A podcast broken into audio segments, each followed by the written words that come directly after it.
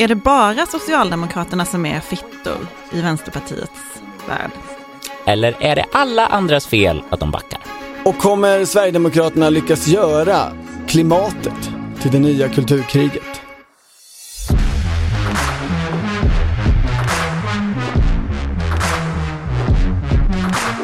Det här är Politiken med Maggie Strömberg och Torbjörn Nilsson.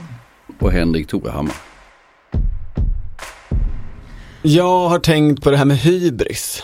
Skivbolaget? Nej, inte skivbolaget. Eh, utan alltså den mänskliga tron på sig själv, eller övertron. Eh, Ja, den grekiska. Ja, Mm, precis. okej. Grekisk mytologi och så vidare. I Marie Forsblads och Kalle Segerbäcks dokumentär som heter Maktspelet och handlar väl delvis om eh, regeringsbildningen. Men framförallt så följer den ju både Sverigedemokraterna och Vänsterpartiet, ytterkantspartierna under valrörelsen och fram till att regeringen är bildad. Den är ju en, en fantastisk demonstration av politikers förmåga att försätta sig i hybris-tillståndet. Det Berätta mer. Ja men det finns en scen ganska tidigt tror jag i den här dokumentären, den är när de är i Almedalen. På, det, på Sunes elefant, eh, som är ett hak i Visby, i södra delarna av Visby. Där de äter eh, pommes och något kött och jättemycket typ så pulver-B eller vad det är. Alltså Vänsterpartiet, alltså inre kärnan kring Nooshi, äter lunch där. Folkligt, festligt. Det var en riktig byggarbetarlunch. Ja, ja det, man blev nog mätt, så ser det ut. Då sitter de och har någon slags konversation, den kanske liksom är regisserad av reporten eller stagead, men, men som går ut på att Nooshi liksom sitter och muttrar. Det framstår ju inte helt rimligt heller att det minsta partiet i den här konstellationen ska ingå i regering. Tillsammans med S och inte Tycker det du, inte största. de, tycker du inte att Centern ska få vara med nu? Jo men det är ju inte bara. Utan det är väl Vänta, det. de är väl inte minst om MP kommer in? Vi får se.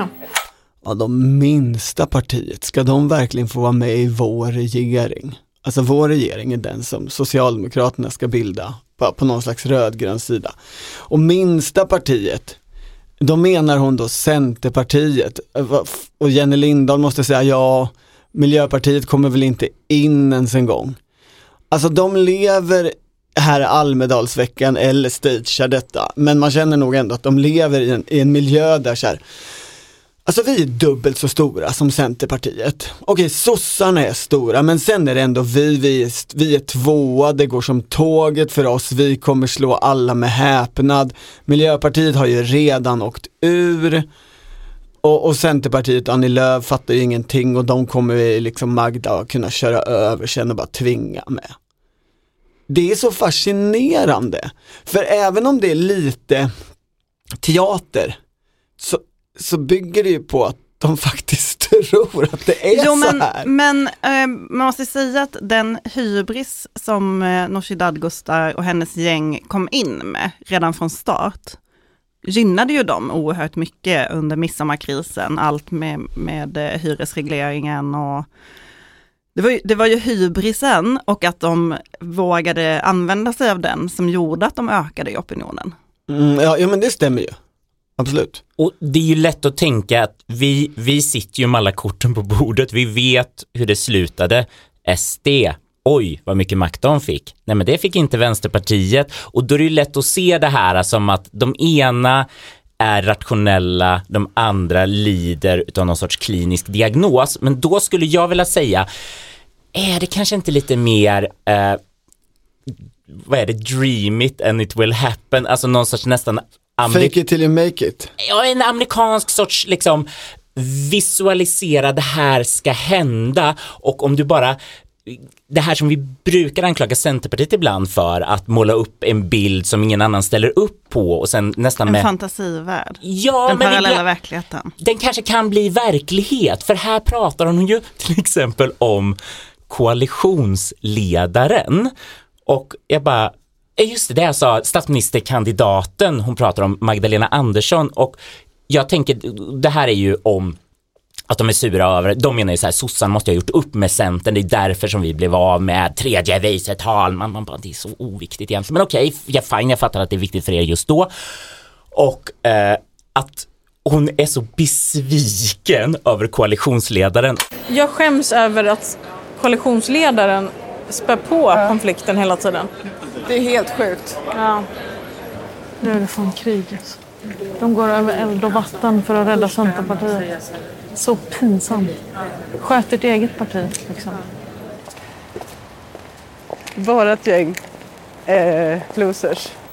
Vilken koalition pratar du om? Du menar koalitionen som bara skulle släppa fram Magdalena Andersson? För Magdalena Andersson och Socialdemokraterna verkar ju inte alls ha uppfattningen om att det fanns ens ett samlat regeringsalternativ där man skulle på något sätt ja, men göra det som på pappret verkar logiskt. Oj, halva Sverige vill ha det här, de här delarna består halva Sverige av, då får vi kompromissa mellan de delarna. Så fungerar det ju inte liksom det socialdemokratiska eller kanske centerpartistiska perspektivet. Så då kanske Nooshi och hennes gäng måste bara vara så här lite drömmande, Ja, utopiska. det, va- det finns ju många sådana fina scener i dokumentären där man ju ser hur lite Socialdemokraterna bryr sig om Vänsterpartiet och hur frustrerade Vänsterpartiet ändå är över det. Eh, Men framför allt tycker jag att det är en, ehm, alltså man undrar ju lite hur landar det här i vänsterpartiland? För Alltså dokumentären. Ja, för att det, det är ju det här uppmärksammade uttalandet eh, där någon säger, kallar Socialdemokraterna för fittor. Vilka jävla fittor. Nej men Det är ju Nooshi som säger Ja, det. Nooshi har ju, Nej, jag vill säga att det låter, jag tycker mycket mer det låter som eh, Ida Gabrielsson. jag tycker det låter exakt, alltså det är ju göteborgska, men, eh, och det är ju Nooshis dialekt. Jag tycker också det låter otroligt mycket som Nooshi, men hon har dementerat Ja, okej. i, eh, i medier som har ställt frågor om detta. Jag antar att Marie Forsblad och Kalle Segerbäck måste veta vem det var, för att eh, de kan väl se det på ljudspåret, eller jag vet inte vad de har för teknisk, men de är ju, de är ju myggade, de borde kunna kanske se vilken mygga det var. Men, Men, jag tracka det. Ehm, det vet jag inte. Nej men det jag tänker är att eh, traditionellt brukar ju Vänsterpartiet tycka illa om eh, att man använder det kvinnliga könsorganet som skällsord. Det brukar ju vara en typ av saker som upprör eh, Ja. re, renlärig vänster. Men ännu mer så är ju detta en skildring av kompisgänget i toppen. Det, det lilla gänget kring, kring Nooshi och Ida som styr och bestämmer allt. Mauro Scoccos brorsa, Sandro, och Jenny Lindahl Persson. Och sen är det ju några pressisar. Mm. Och sen är det ju till exempel Ali Esbati ser man ju inte särskilt mycket mer än på själva valvakan. Han är ju inte direkt närvarande. Man ser ju också den nya gruppledaren Samuel Gonzales Westling. Och honom muttrades det ju oerhört mycket över i riksdagen eh, där första veckan kring riksmötets öppnande. För han var helt ny i riksdagen, kom från partistyrelsen eh, och blev gruppledare. Och alltså gruppledare i riksdagen handlar ju väldigt mycket om riksdagsformalia, eh, leda möten, få folk att trycka på rätt knapp och sådär. Och då fanns det ju stor irritation över att det var en helt ny person som aldrig hade suttit i riksdagen innan. Som liksom kom in här i kompisgängets ledning, utvald tyckte man av. Man ser ju faktiskt mer också av eh, Ida Gabrielssons man, Kalle Larsson, än man ser av Ali Esbati. Ja. Men det kan ju vara dokumentären. Eh, Men, men det är intressant. Men vad menar du, alltså det här kompisgänget, vad är grejen med det? Jo men det har ju funnits en frustration över partiets valstrategi, partiets låga valresultat och eh, ja, men att man tycker att det, det har toppstyrts från det här gänget. Alltså till exempel då den här, hela den här idén om att nå väljare på bruksort som ju var centralt i, hur, i allt från hur man kommunicerade till vilken politik man la fram. Och att det faktiskt helt misslyckades. Alltså mm, i partiets egen valanalys som kom här igår så skriver man ju att man, man tappade på i princip alla bruksort och det var där man det var liksom de väljarna man förlorade. Man, man hade ju en idé där man tidigare då hade riktat in sig på målgruppen unga progressiva som man kallar det, som är storstadsbor. Och nu skulle man då komplettera det med väljare till bruksort. Och då hade man ju delvis i sina, de här kommunikationsplanerna som man kunde hitta på Vänsterpartiets hemsida innan de gjorde om vad de la ut där. Just Så kunde man ju se att de då skulle ha olika budskap till de här grupperna när de pratade med dem. Men resultatet verkar ju ha blivit att man tappade de gamla som man var säker på att man skulle behålla och man vann inte de nya. I, I dokumentären ser man ju inte så mycket självkritik, alltså det man ser är ju att de suckar och svär. Alltså Nooshi borde ju, hon, hon skulle ju typ kunna ta patent på det här suckande sättet att prata. Alltså jag vet själv att jag kan låta ganska så här tung. Alltså, Men low hon energy. låter ju fruktansvärt tung. Det är ju ett kämpigt kliv för allt och alla är ju dumma i huvudet. Nu måste vi gå ut och ta en cigg. Har du gjort kaffe? Nej förresten, hon- det frågar hon inte för det är hon som gör kaffe. Det är ju väldigt spännande i Nooshida-relationen. Alltså mellan Nooshi och Ida Gabrielsson. Det är ju Nooshi som hämtar kaffe åt Ida. Ska jag hämta kaffe?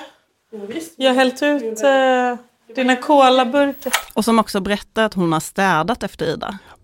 Man får ju lite känslan eh, Av det- deras att det- arbetsäktenskap. Ja, att det, är ju, det, är ju, det är ju Ida som tutar och kör här och Nooshi som, som är, får det jo, trista jobbet att ställa sig i tv och säga saker.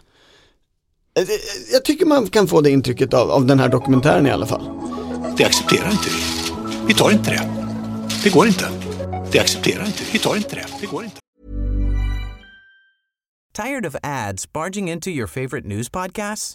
Good news. Ad-free listening is available on Amazon Music for all the music plus top podcasts included with your Prime membership. Stay up to date on everything newsworthy by downloading the Amazon Music app for free or go to amazon.com slash news ad free. That's amazon.com slash news ad free to catch up on the latest episodes without the ads. Torbjörn, om du tyckte att du saknade självkritiken i dokumentären, då ska du inte läsa valanalysen, för där kände jag att eh, alltså det här uttrycket vilka jävla fitter alltså.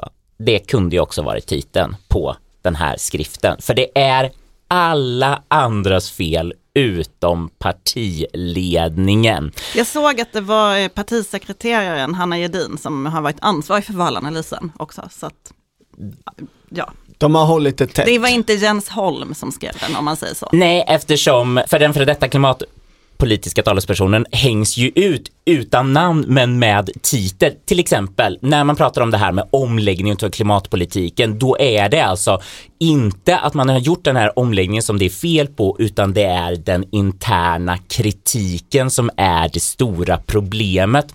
Och medierapporteringen om den interna kritiken. Ja, och på något sätt är det så här typ, nej men medier, vi får inte anklaga medierna för medier, det finns en logik och de kommer jaga på det där, men skam på er alla eh, som pratar, som läcker till media och berättar allt det här.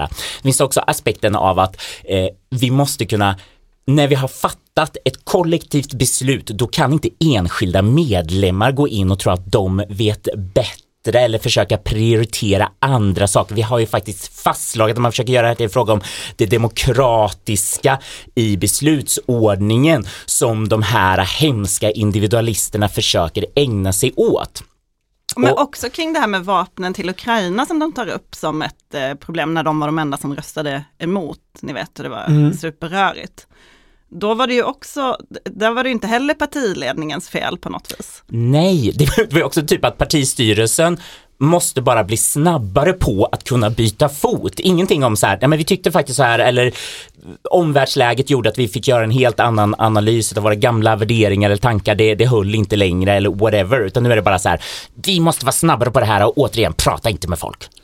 Det, det finns något spännande för senast man såg en sån här krets, liten krets som vill någonting väldigt mycket är ganska övertygade tillsammans om det och ganska eniga verkar det som. Det är egentligen skapandet av nya Moderaterna. Och eh, jag tror nog att åtminstone Jenny Lindahl har studerat och varit ganska imponerad av det. Jag var ju med på ett möte när de pratade om just eh, den här nya då eh, bruksortsmålgruppen i relation till hur man pratar då, bland annat om klimatpolitiken.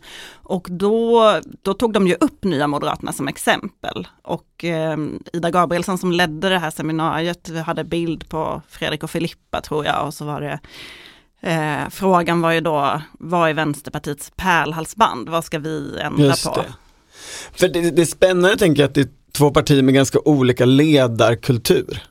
Alltså den, den lilla kärnan runt Fredrik Reinfeldt lyckades ju liksom pressa på partiet sin nya hållning. Anders Borg säger att det är så här, vad en den gamle moderaten i arbetsmarknadsutskottet säger så får han hålla käften eller flytta på sig. Punkt. Sån är ju inte grundkulturen i Vänsterpartiet. Där är ju grundkulturen intern opposition och intern debatt är bra för det goda samtalets skull. Och man ska ju alltid vara lite upprorisk mot makten. Så de, de, det, som jag tycker både dokumentären och din, ditt referat av valanalysen Henrik visar är ju att de har de har ju ett problem att disciplinera sitt parti helt enkelt. Ja, men det, och det hänger nog också ihop med att partistyrelsen har ju väldigt mycket makt och det finns ju en idé då om att det är partistyrelsen som representerar partiet och riksdagsgruppen ska göra det partistyrelsen säger. Samtidigt är det ju riksdagsgruppen som får mer medieutrymme och som journalisterna har koll på, kanske mer än partistyrelsen. Eh, och, och de är ju ofta väldigt frustrerade över det här tycker jag, när man pratar med folk där, att det finns en frustration över att de då inte har så stort inflytande som andra riksdagsledamöter har i sina partier. Men hela idén bakom eh, Nya Vänsterpartiet är ju att man ska prata om det materiella, att man ska bort från Galtanskalan och värderingskonflikt och man ska prata om sånt som faktiskt riksdagen kan fatta beslut om och inte liksom de stora mer abstrakta idéerna som man ändå inte kan göra någonting av i praktisk politik. Men även här var de ju missnöjda med själva valrörelsen. Då, trott, alltså, de tyckte att det var dåligt att den handlade om ekonomi.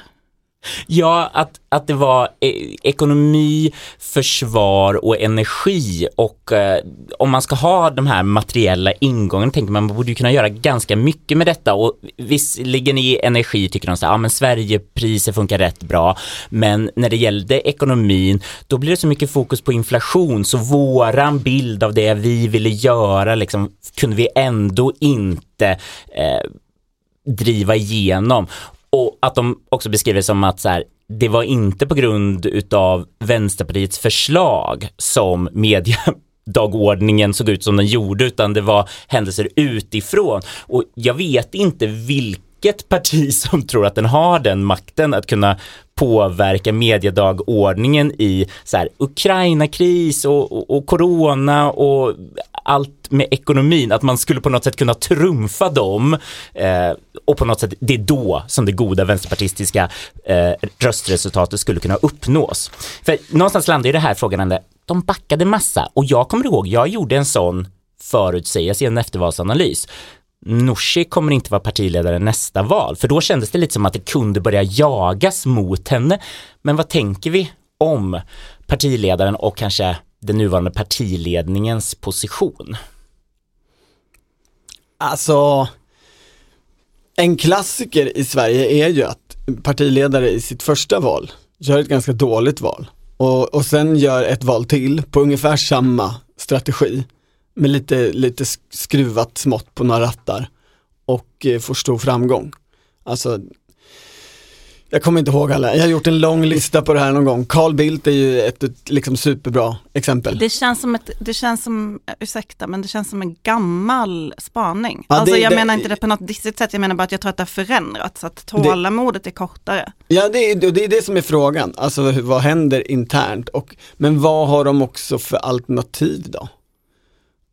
Alltså vänsterpartisterna som skulle vara kritiska, vad, vad är liksom B, den andra planen, finns det en sån? Nej, det är väl att då, eh, det är Jens Holm. Nej, jag, jag har ingen aning. Nej men jag tänker Nej, det men- finns någonting i att de nog, den här gruppen bottnar uppfattar jag, inte bara strategiskt eller taktiskt i i den, den här bruksortstanken. De bottnar ju där, visar den här filmen relativt mycket för att vara liksom vänsterpartister av vår tid i, i, i den socioekonomiskt kulturellt åtminstone. Alltså, och det är där det blir lite fint när det här korsklipps med Sverigedemokraterna, för man ser att det här är ganska mycket samma skrot och korn människor. Alltså så här, Jimmy Åkesson sitter när VU har möte i sina happy socks. Ja.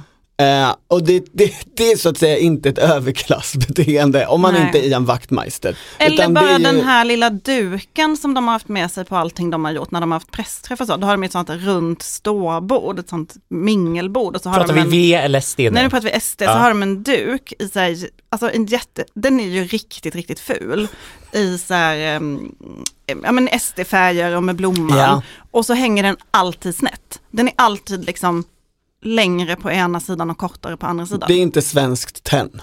Den kommer Nej, det är ifrån. verkligen inte Nej. svenskt tenn. Nej, och, och samma finns ju då i, i Vänsterpartiet verkligen, alltså så här, det är Ida Gabrielssons kolaburkar, de röker eh, och Ida Gab- De, är typ in, de har aldrig borstat håret. Och Ida Gabrielsson måste fråga it- halvitalienaren eh, eller eh, vad han, hur vi nu ska beskriva Scocco-släkten, jag vet inte. Om liksom vad är prosecco och vad är prosciutto? Eh, vilket är vilket? Och där känner Det jag, måste ju vara fejk. Alltså Du- förlåt, det måste vara fejk. När, någon, när jag hörde det där så var jag bara, vad är det egentligen som är skillnaden? Så någonstans vill jag säga, Du kan, du kan bilda en, en, tre, en, den tredje delen av det här samma sociokulturella. alltså ni gäng. kan vara god smak, jag håller med till Jimmy och Nooshi och vanligt folk. Poängen, min i alla fall, med hela den där utläggningen är ju att de bottnar ju verkligen i, nu ska vi vara arbetarklassen företrädare. Och, och har ju förutsättningar för det ungefär på samma sätt som, som Sverigedemokraterna, alltså i vilka de är själva och vad de tror på och så. Så det är svårt att se att de skulle ändra sig i någon, i någon större utsträckning, de som har ledningen idag. Jag tyckte när jag eh, först läste valanalysen så gjorde jag inte den här spaningen som Henrik gjorde, att de saknar självkritik. Jag tyckte snarare så här, det här är det mest självkritiska jag någonsin har hört från det här gänget som leder Vänsterpartiet. För att den här meningen finns med. Partistyrelsen klarade inte fullt ut att förankra klimatpolitiken eller förklara anledningarna till det förändrade fokuset, utan bidrog i viss utsträckning till de missuppfattningar som uppstod. Det var inte bara Jens Holms fel. Nej, alltså de klarade ju inte fullt ut och de bidrog i viss utsträckning. Det var ändå, ja. Men vadå, Det är det inte att de skyller på de andra i partistyrelsen? Partistyrelsen, alltså Nooshi-gäng, det Ja, är just de i Nooshi-gänget som sitter i partistyrelsen tycker att här finns det några svartfötter, några femtekolonnare, någonting, några som inte är med, några som håller på och förstör. Mm. Är det inte de de skyller på? Jo, det är kanske det. Du har kanske rätt. Jag tänkte att det skulle vara deras räddning annars. Men jag tycker att vi i alla fall ska gå hem och fundera på det de skriver om medierna, som är att vi hellre skildrar den interna konflikten kring klimatet än sakfrågan. Det, de har ju rätt i det. Det, Jag de. tycker ändå vi kan skämmas lite över det. det kan vi göra. Och samtidigt så det är ju svårt att inte som media reagera på när vänsterpartister kallar sossar för fittor. Så det är också lite vad tycker vi är roligast att skriva om. Men jag tror inte det är så dåligt egentligen för Nooshi-gängets interna ställning att ha det sagt. Kamrater, någon jävla ordning ska det vara i ett parti. I vår tidning Svenska Dagbladet häromdagen så kunde man läsa att Sverigedemokraternas klimatpolitiska talesperson Martin Kinnunen nu tycker att Sverige ska överge klimatmålen. Eh, och att vi också kan betala pengar för att eh, slippa nå EUs klimatmål. Man får, det, ju, eh, det finns ju en straffavgift om man inte gör det. Och det är ju en tydligare position tycker jag än den de tidigare har haft, där de ju in, var det enda partiet som inte röstade för klimatlagen och ställde sig bakom klimatmålen, men inte heller har velat ta bort dem. Eh, det- Den var mer förvirrande. Nu vill de det. Och tycker att, mm, att Tidöavtalet öppnar för det. Jag tänker framförallt att det är roligt att eh, Kinnunen blir den, den stora frontsoldaten i Sverigedemokraterna nu efter valet i den här uppblossande klimatdebatten. Alltså han har ju varit med jämt. Mm. men liksom alltid varit någonstans bakom. Någon slags press, visst var han presschef till en början? Mm, det var han ett tag. Mm. Och haft massa olika roller, målvakt i olika bolag tror jag han har varit också, som jag uppfattar det. Det, lå- eh, det låter kriminellt. Ja, okej, målvakt var lite elakt sagt, men han fått ansvar för massa problematiska bolag. Jo men han höll väl på med de där mediebolagen. Exakt. Ja. Ja, ja, det, det, det här är ett stickspår, du, Ja. du vill in i själva klimatsakfrågan. Ja men Kanske. det är ju en fråga som engagerar väldigt många och den eh, fråga som nu ställs är ju, alltså det, det, finns ju en ny konflikt i klimatpolitiken, uppenbarligen. Mm. Det har ju varit en fråga som väljarna har tyckt varit viktig men som aldrig riktigt har haft sådär jättemycket tryck partipolitiskt. Eller inte de senaste åren därför att det har funnits ganska stor enighet om klimatlag och klimatmål. Även om Miljöpartiet har sagt att den enigheten är fejk så har det ju varit liksom nu, nu blossar det ju upp en konflikt. Ja, Och då ställs ju frågan, är detta det nya kulturkriget? Och jag undrar lite, vad menar vi när vi säger det här? Jag ska säga att jag använde den ingången när jag var med på en poddinspelning med Jessica Stegrud, som ju var eh, det stora vallokomotivet. Vissa spekulerar att hon kan bli eh, partiledare efter Åkesson och då med Elsa Widding som har liksom kommit in som kvinnan som kritikerna menar är eh, klimatskeptiker. du, du var med på deras premiärpoddinspelning. Som jag tror fortfarande inte har släppt så jag undrar lite hur Du har breaking news här.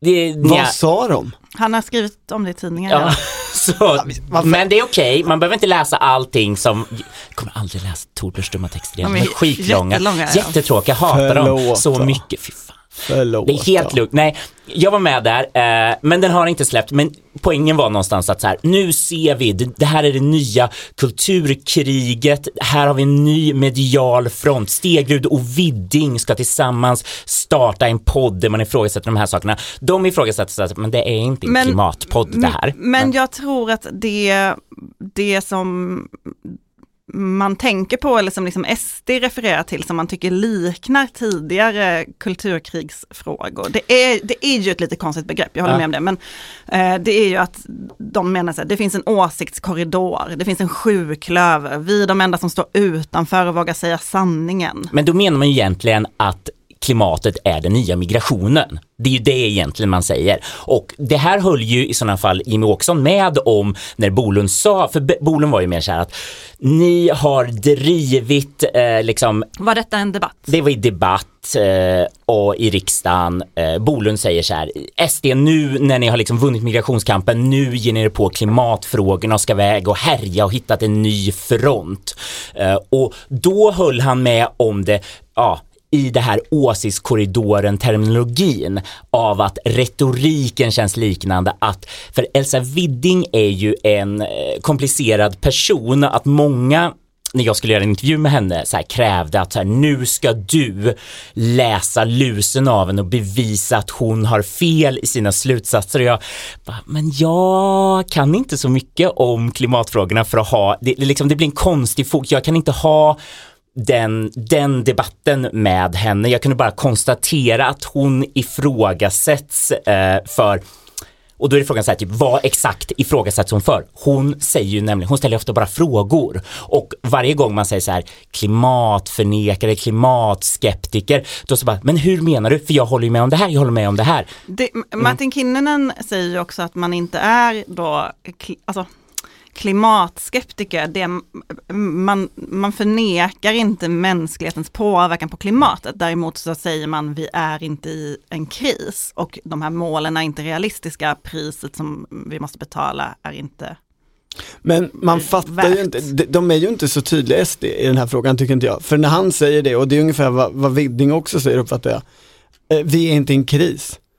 Just nu, Vad- men vi kan vad, hamna i en Vad kris. är vi då? Och vad är skillnaden mot en kris och inte, vad är Han ens en sa kris? ju att han hade läst på MSBs hemsida om vad en kris är. Det här är Erik Nilssons intervju. Och att han då inte tyckte att det stämde in. Eh, men- och de ifrågasätter ju också IPCC, alltså det är ju flera, SVT gjorde ju något avslöjande där de intervjuade riksdagsledamöter om IPCCs rapport och de sa att nej men jag, jag har klickat lite på internet och tycker att det inte verkar stämma. Alltså, det är klart att det finns en, en eh, klimatförnekar ådra i partiet och hos dess anhängare. Men Elsa Widding, jag hade inte, jag, alltså jag har ju sett henne som klimatdebattör, att hon, hon har ju fått utrymme i mycket medier och så som det men eh, jag hade missat att det var, alltså hennes bakgrund, den här Nuon bakgrunden. Har ni koll på den? Att hon var den som typ såg sanningen om Nuon. Att hon jobbar på regeringskansliet och var Ja. den som, som slog larm. Hon har ju väldigt mycket identiteten som visselblåsaren. Ja, och eh, tror jag också den som precis har sett någonting komma eh, och också jobbat inom kraftbolagen och hon säger att typ Stegrud och hon har ju täckt in alla de stora nordiska kraftbolagen i sina karriärer innan. Så att kanske mer en klimatpodd, en energipodd, men också tycks de eh, kanske prata mycket om hur det är att vara, som de skojade, pantertanter. Det är också en härlig dynamik som jag gärna vill att de släpper podden så jag kan börja liksom lyssna på hur den är där. Men det är en annan fråga. Jo men på den övergripande hypotesen att det är en sjuklöversituation och att det är som med migrationen, då måste man ju, just eftersom klimatpolitiken nu är så mycket energipolitik, så är det ju inte riktigt så. Alltså jag menar, Ebba Busch och Kristdemokraterna tycker ju samma sak som Sverigedemokraterna och resonerar på samma sätt om hela energipolitiken. Det gör ju Moderaterna också det är ju inte så att de har en unik position på det sättet som man hade i migrationspolitiken. Nej, och sen eh, Expressens Viktor Bart Kron har ju också invänt mot den här jämförelsen och sagt att det finns inte heller det här folkliga engagemanget kring den här frågan som det fanns kring migrationen. Alltså att det fanns en, en migrationsopinion som eh, partierna ändå på något sätt var överens om att de inte skulle exploatera. Och Mm. varje gång någon lite grann gjorde det, språktestet 2002 till exempel, så, så, det märkte var- man ju att det rörde sig i opinionen. från det miljöpartistiska hållet så är ju beskrivningen av att, ja, det var en läpparnas bekännelse det här med att borgerliga partier verkligen var med på klimatlagen, på klimatmålen, på klimatpolitiken i stort. Och att man märkte då att när SD eh, med liksom sina impulser ville förändra så fanns det ingenting som höll emot bland de andra borgerliga partierna. Liksom, att det på något sätt märks att Centerpartiet inte var där och verkligen markerade mot. Nej, men Liberalerna har ju försökt medvetet ta den positionen sedan Centerpartiet försvann. Och nu är det då Romina Pourmokhtari, klimat och miljöministern, som, som är den som ska stå upp. Och hon försöker ju förtvivlat säga att hon har en annan position än de andra.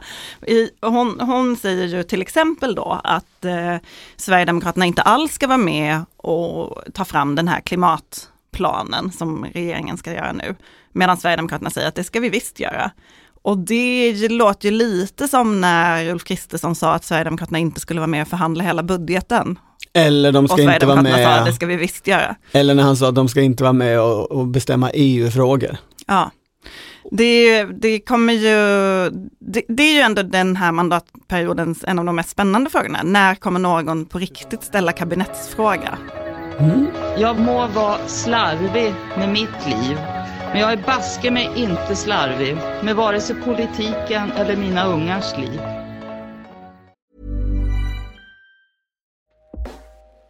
Hey everyone, I've been on the go recently Phoenix, Kansas City, Chicago. If you're like me and have a home but aren't always at home, you have an Airbnb. Hosting your home or a spare room is a very practical side hustle. If you live in a big game town, you can Airbnb your place for fans to stay in. Your home might be worth more than you think. Find out how much at airbnb.com/slash host.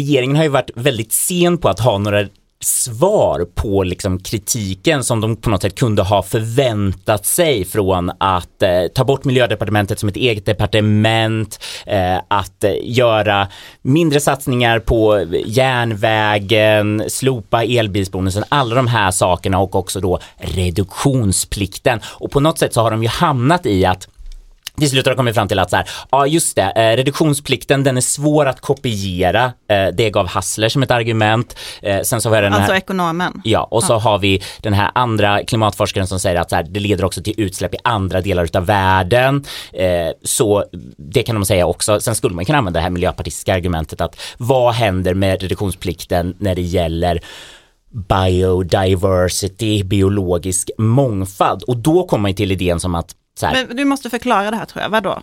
reduktionsplikten. Ja. Och den hur hänger det ihop med biologisk mångfald? att om vi nu ska använda den svenska skogen hela tiden och på något sätt göra eh, biodrivmedel som vi kan blanda in i diesel och bensin, då kommer det ju inte kunna bli så mycket olika spännande djur som, som bor i de här skogarna om de hela tiden ska användas och användas och användas och användas. Och då kommer ju frågan så här, aha, det kanske inte var en enighet om det här, det här var ett centerpartistiskt beställningsjobb. Och då kommer vi till den här tanken att ja, vi har massa skogar och vi har ett skogsindustriellt komplex som vill kunna använda sina skogar och nu med EU så har man insett så här om vi använder våra skogar jättemycket och gör biodrivmedel och blandar in det i bensinen och dieseln, då får vi fortsätta använda våra skogar. Om vi inte gör det här, då kommer EU-byråkraterna och säga bara det finns en uggla där, ugglan måste kunna flyga mellan olika ställen, du får inte hugga ner dina Nej men gamla fina jag tror ugglor. inte att det, nu tror jag du blandar ihop två saker. För EU pratar väl framförallt om alltså koldioxid, att skogen ska fånga koldioxid. De bryr sig inte jättemycket om orkidéerna, eller?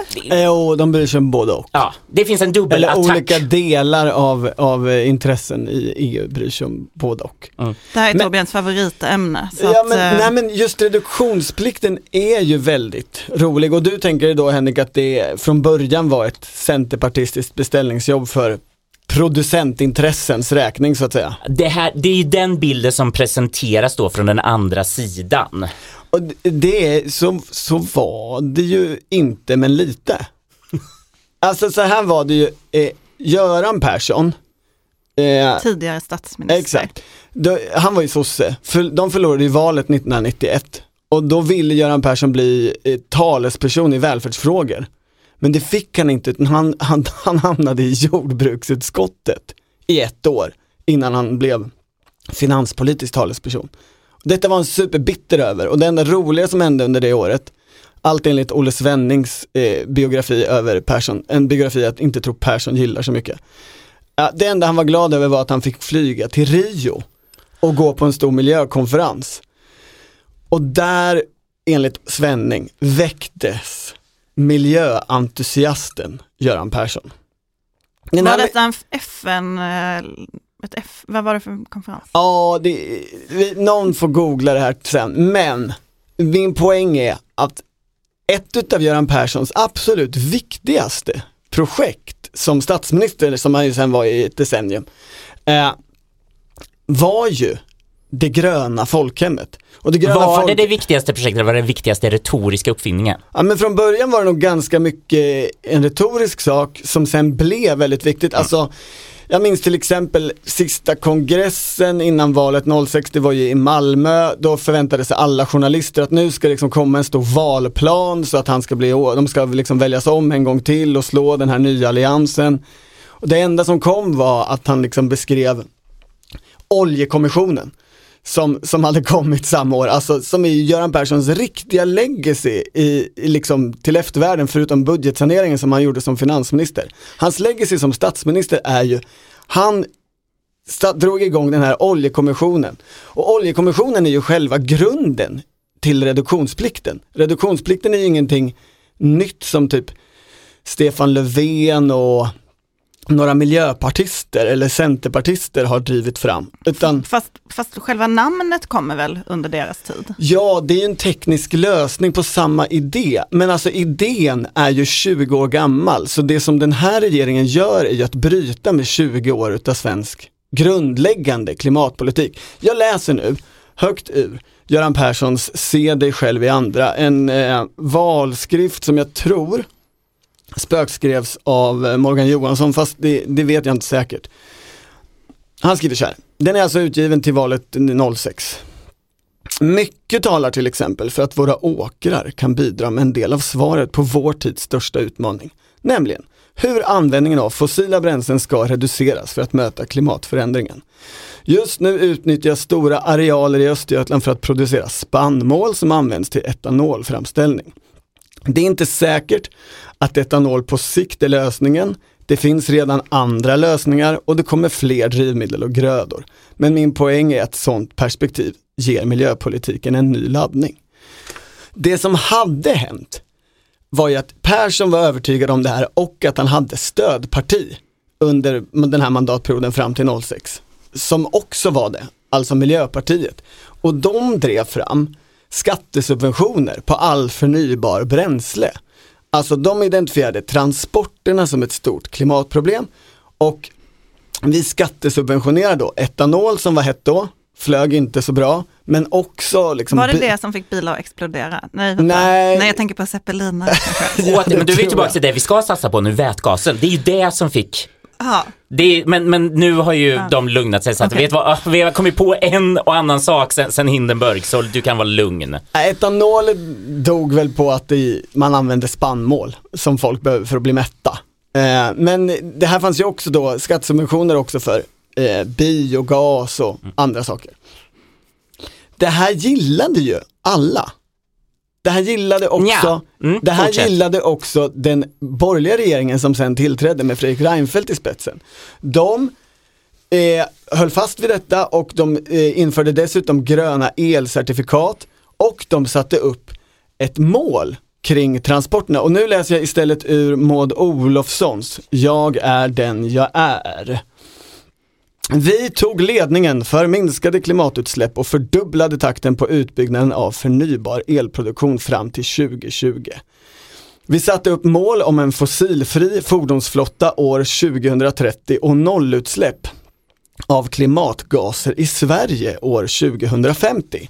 Där var alltså ett av de tidiga transportmålen format av en borgerlig regering.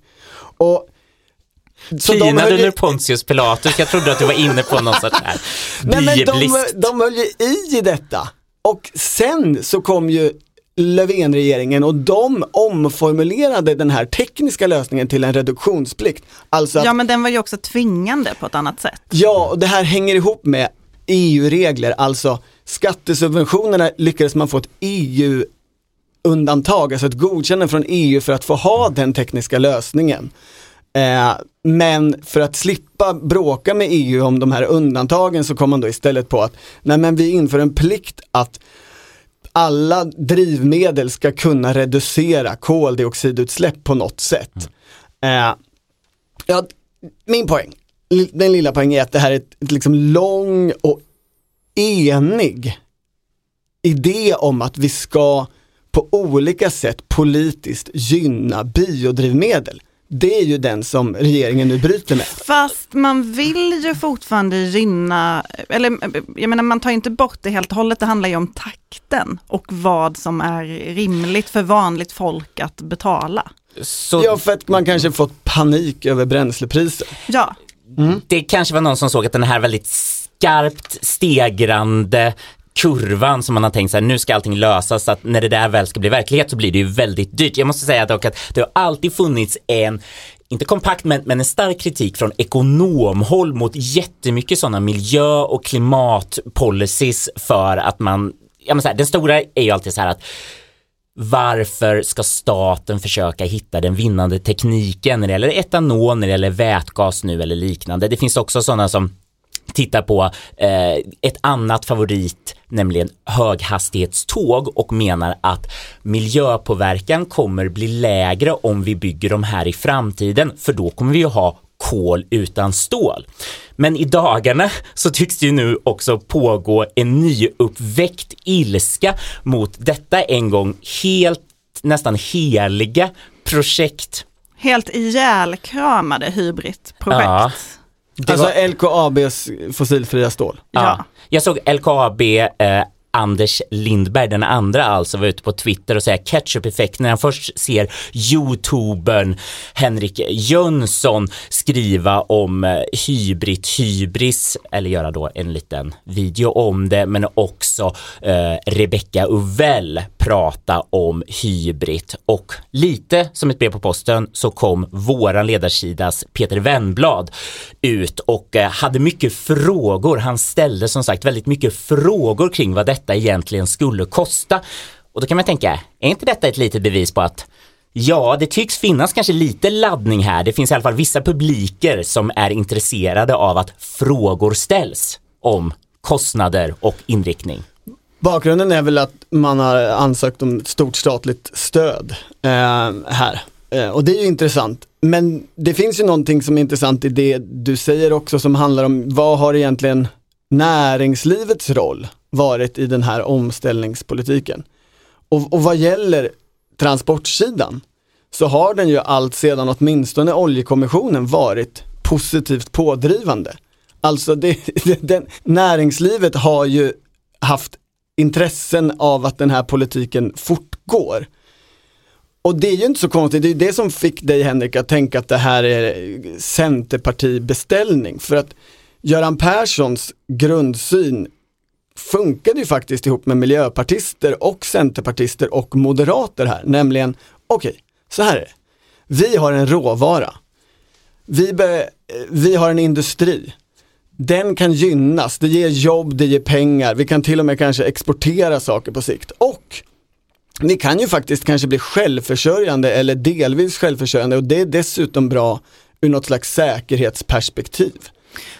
Så, så det här har ju varit en grej där alla har varit med på tåget. Men det var ju intressant när man läste um, Amanda Lindholm och Erik Nilsson, våra kollegor, de beskrev ju bakgrunden till att reduktionsplikten inte sänktes med en gång.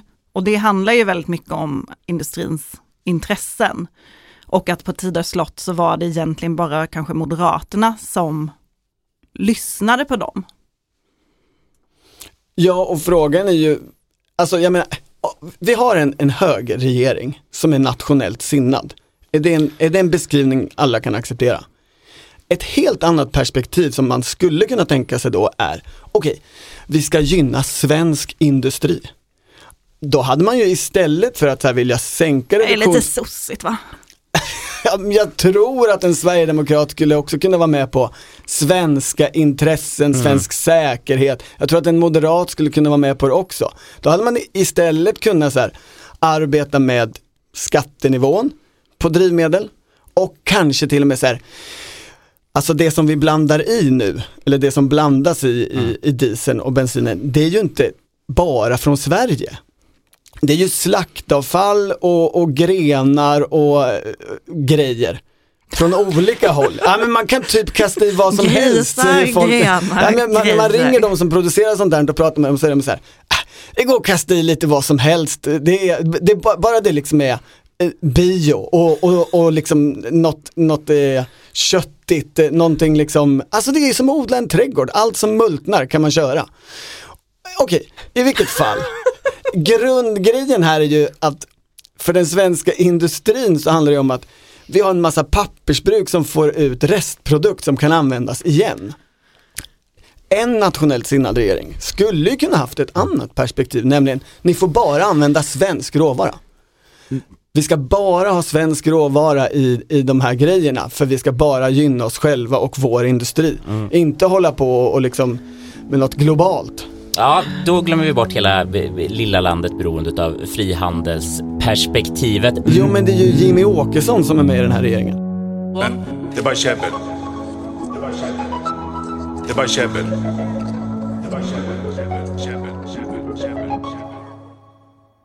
Allt det här kan ju slå tillbaks i Tidöpartiernas ansikte på grund av en folklig opinion som vill rädda klimatet och tycker det här är vidrigt.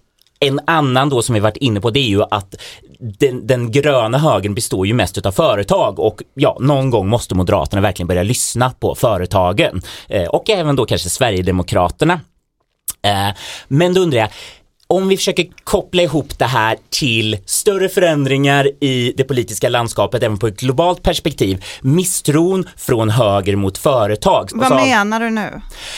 Att eh, det finns mer ifrågasättanden än till exempel alltså, eh, de konservativa i eh, Storbritannien där var det till och med fuck business som man sa om Brexit, att det här att lyssna på vad företag vill. Alltså så du menar så här, nya, nya Moderaterna, Ulf Kristerssons moderater, mm. de är inte bara, de har inte bara lagt om migrationspolitiken, utan de kommer ändra hela sin syn på näringslivet. De kommer bryta med svenskt näringsliv, de kommer glömma sitt arv. Eller kanske omformulera, eller att det finns krafter på den högra sidan nu som inte automatiskt köper att näringslivets intressen är våra, för ibland finns det korrumperande aspekter utav näringslivet, för du vet, det finns ju människor som är utbildade på universitetet, det finns HR-avdelningar som vill ha De är inkludering och Det finns genusplaner. Det, De är inte vanligt folk. Nej, så att den och det är vanligt finns. folk som jo, är den nya högerns kärna.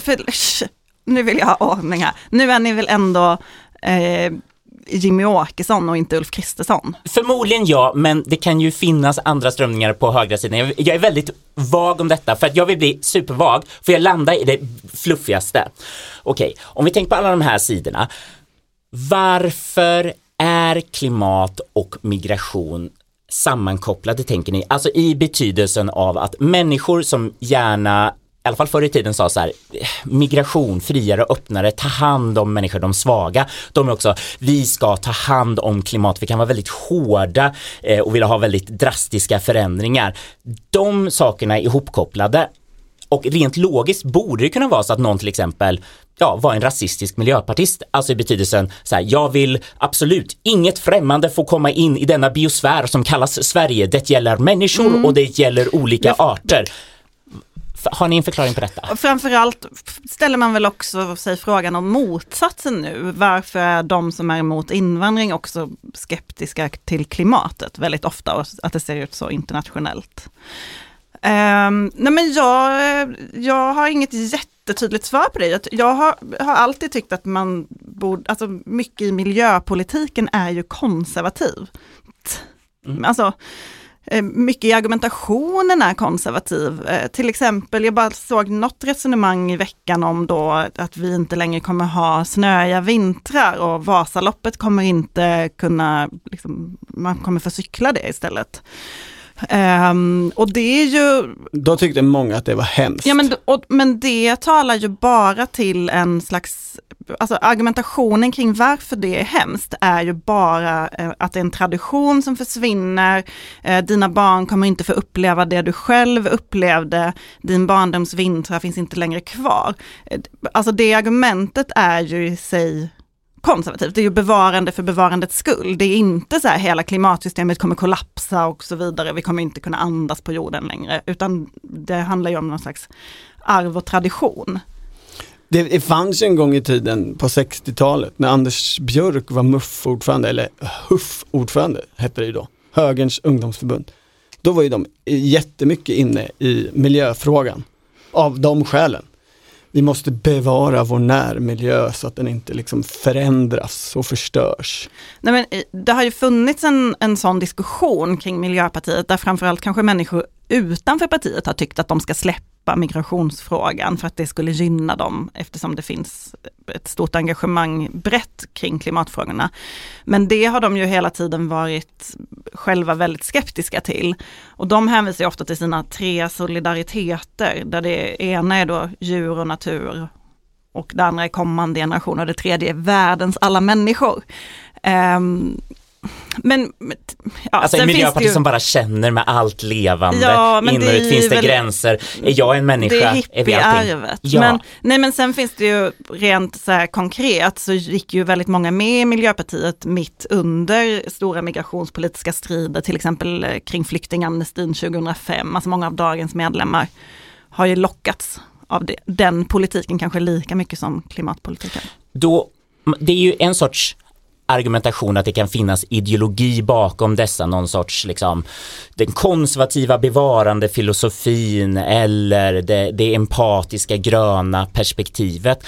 Men det skulle också kunna vara att det här är bara efterhandsförklaringar. Att vi är Så kan det vara. små stam tänkande människor. Men när man, när man ser till högern, eh, eller om man ska kalla det nationalismen eller ja, men de, de här rörelserna som man ser globalt, då finns det ju också någon tanke om att eh, klimatpolitiken är en slags dold vänsterpolitik. Alltså mycket gick ju ut på att avslöja att Greta Thunberg egentligen typ var kommunist. Alltså att man tycker att eh, en extrem vänsterrörelse har då klätts i klimatargumentation men lösningarna är fortfarande de samma det, ekonomiskt. Det är svårt att vara en hård nationalist och sen säga så här fast vissa frågor där behöver vi ha liksom perfekt överstatlighet. Eh, det är ju svårt där men om jag bara får slutföra tanken om eh, vem det var i sådana fall som började med stamtänkandet om vi någonstans utgår ifrån att ja men kanske det är så att eh, bryr sig verkligen Sverigedemokraterna jättemycket om klimatpolitiken eller ser de mer så här, men våra motståndare verkar tycka om det här så därför ska vi vara emot det hela. Eh, någon som kommer ihåg eh, Goodwill, den här Lars von Trier-filmen från 00-talet där Nicole Kidman är förtryckt och liksom så här, de krossar hennes små dockor och bara så här, så fort du slutar gråta slutar vi krossa dina porslinsdockor. Och det är lite så jag tänker att Jimmy Åkesson ser på Bolund, att så här bara Sluta inte, gråta då, sluta jag gråta då. Jag kommer inte ihåg filmen, men jag kommer ihåg Johan Jakobsson. Som ju hade ungefär samma grundläggande liksom, eh, opinionsbildningsstrategi. Att, Folkpartisten under Lars Leijonborg att, eh, precis, man vill få den andra sidan att gråta. Ja, man, man vill reta upp de andra. Ja, och bara om de visar att de inte För tar vi... betet, då kommer de backa kanske. Det är en sån tanke. Mm. Men det finns ju också väldigt många Sverigedemokrater som, eh, ja men Mattias Bäckström Johansson till exempel, eh, nya eh, eh, partisekreteraren, han är ju från Oskarshamn och har jobbat med kärnkraft. Alltså det, det finns någon slags överrepresentation av tekniskt intresserade energimänniskor i det partiet. Alltså, men det är ändå som man inte förstår Sverigedemokraternas position. Nu i EU-förhandlingarna så, så finns ju, dyker det upp ett problem för Sveriges del. Alltså är vi inte så bra på transporterna eftersom vi inte har reduktionsplikt eller någonting annat. Eh, så får vi betala det på något annat sätt. Och bland annat genom då hot om att då måste ni låta mer skog stå så att den binder kol. Det, där det tycker ju Miljöpartiet är bra. Nej, delar av Miljöpartiet. Ja, nej, alltså, de är ju djupt splittrade i, i hela bioenergifrågan som ju är grunden här fortfarande. Alltså det, det är det som är kärnan i svensk klimatpolitik. Men det där borde Sverigedemokraterna tycka är ett problem. Det som också, alltså tittar man till exempel, följer man LRF Skogsägarna, deras Twitterkonto, jag vet inte hur mycket ni gör det, eller bara LRF-konton i största allmänhet, då ser ni att där är, där är Martin Kinnunen Sverigedemokraten, nu för tiden in och likar det mesta. Och deras argumentation handlar ju, i den gamla då så här, det är, funkar jättebra för klimatet att man avverkar skog och använder råvaran, för det är en annan typ av kretslopp som binder kol till skillnad om vi tar upp olja som har legat miljarder år i jorden. Den, då kan vi inte binda den kolen som, de ut, som, som den genererar i utsläpp. Okej. Okay. Ja men borde inte det konservativa vara att låta skogen stå? Jag tycker de är ologiska jo, i sitt... Då är du inte med på att konservatismen är ju ofta kombinerad i intressesfärer med näringslivet. Och näringslivet är intresserade av att göra profit på något sätt. Alltså bedriva verksamhet, tjäna pengar. Göra förändringar i din miljö. Tack för infon. Men problemet i Sverigedemokraternas position är att just nu har ju Kinnunen del, dels då den här positionen Ja, eh, vi ska inte göra någonting för vägarna och det kanske leder till att vi måste låta skog stå eller att vi måste betala böter. Och han har också positionen, jag tycker det är uruselt att skog ska stå. Hur ska han ha det karln? Det, det är ju inte som att de har en färdig linje utan på det sättet så talar det lite för att Henriks tes om att de är mest här för att liksom röra runt i grytan. Han är som hela Miljöpartiet på en gång. ja, det är han. Jo, men en förklaringsmodell till hela den här konflikten är ju det partipolitiska landskapets förändring. Alltså en grundläggande sak i enigheten om de här frågorna har ju varit att Miljöpartiet har funnits på ena sidan blockgränsen, Centerpartiet har funnits på andra sidan. De har drivit på det här utifrån lite olika utgångspunkter men väldigt lik.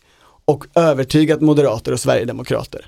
Nu är de inte på samma sida vilket förändrar förutsättningarna. Det, så skulle man kunna förklara den här konflikten också. Om det första sättet var helt enkelt ett vanligt kulturkrig och det andra skulle vara en partipolitisk förändring så är det tredje sättet verkligheten. Alltså hela argumentationen kring vi ska subventionera biobränslen har ju varit det ska vara under en övergångsperiod fram till det går att elektrifiera. Det vi kanske upplever just nu är att den övergångsperioden kanske håller på att gå mot sitt slut och därför pushas olika elektrifieringsintressen. Alltså vi måste ha mer kärnkraft och vi måste, ja, ni förstår. Alltså att det är en verklighet, en teknisk utveckling som, som driver fram det här.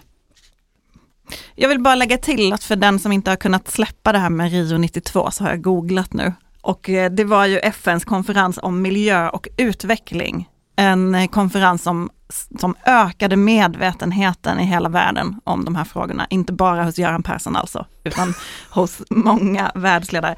Det var också där man tog beslut om eh, handlingsprogrammet Agenda 21. Det var liksom startskottet för mycket av det som pågår nu. Men, men vad hade hänt om inte Göran hade varit där. Alltså, jag, så Olof- hade en annan politiker Olof i Sverige drivit på de här frågorna och Olof creddat sig för Johansson detta. var där och Carl Bildt var också där, Ja, vill okej. säga. De ledde den svenska delegationen. Jag var lite osäker på Göran Perssons roll här faktiskt. Nej men det finns någonting eftersom det är så lång tidsspann i den här politiken som nu förändras. Så är det ju spännande tycker jag med kontrafaktisk historieskrivning. Det roligaste ögonblicket över de här liksom 20-30 åren av klimatpolitik i Sverige tycker jag är Alltså Andreas Carlgren blir ny miljöminister i alliansregeringen.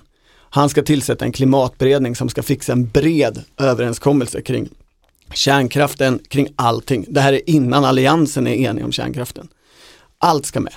Och hans idé är, jag, kom, jag ska utse Ingvar Carlsson till ordförande i den här klimatberedningen. För då kommer sossarna inte kunna säga nej och moderaterna kommer känna sig lugna med att sossarna är med på kärnkraften och det kommer liksom funka ihop. Men, som han skriver, eller han skriver inte det, han säger det i Mats Engströms bok om, om klimatframgångar. Så säger han så här, jag vet inte vad Fredrik Reinfeldt tyckte om den idén. För Maud Olofsson stoppade den. Hennes ryggmärgsreflex var, vi har precis vunnit valet, inga jävla sossar ska få några uppdrag eller jobb. Det är lite som den ryggmärgsreflexen de har nu känns det som. Ja. Alltså i, förutom Oskar Stenström då, men i, jag bara tänker i det här med energisamtal, blocköverskridande. Nej, nej. Men hade det där hänt så hade ju enheten blivit annorlunda och kanske också hållit i längre. Vem vet? Någonstans mellan hybris hybrid och fittiga sossar.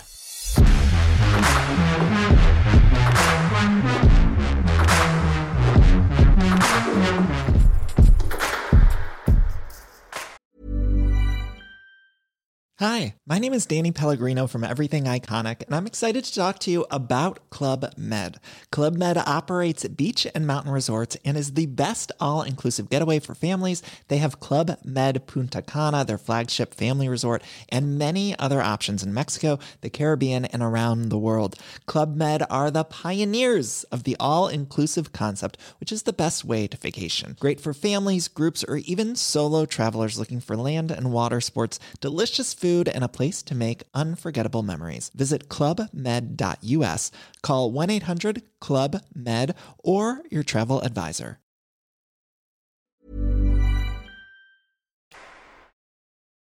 Du har lyssnat på Politiken, en podd från Svenska Dagbladet. Producent Mattias Dellert och ansvarig utgivare Anna Karleborg.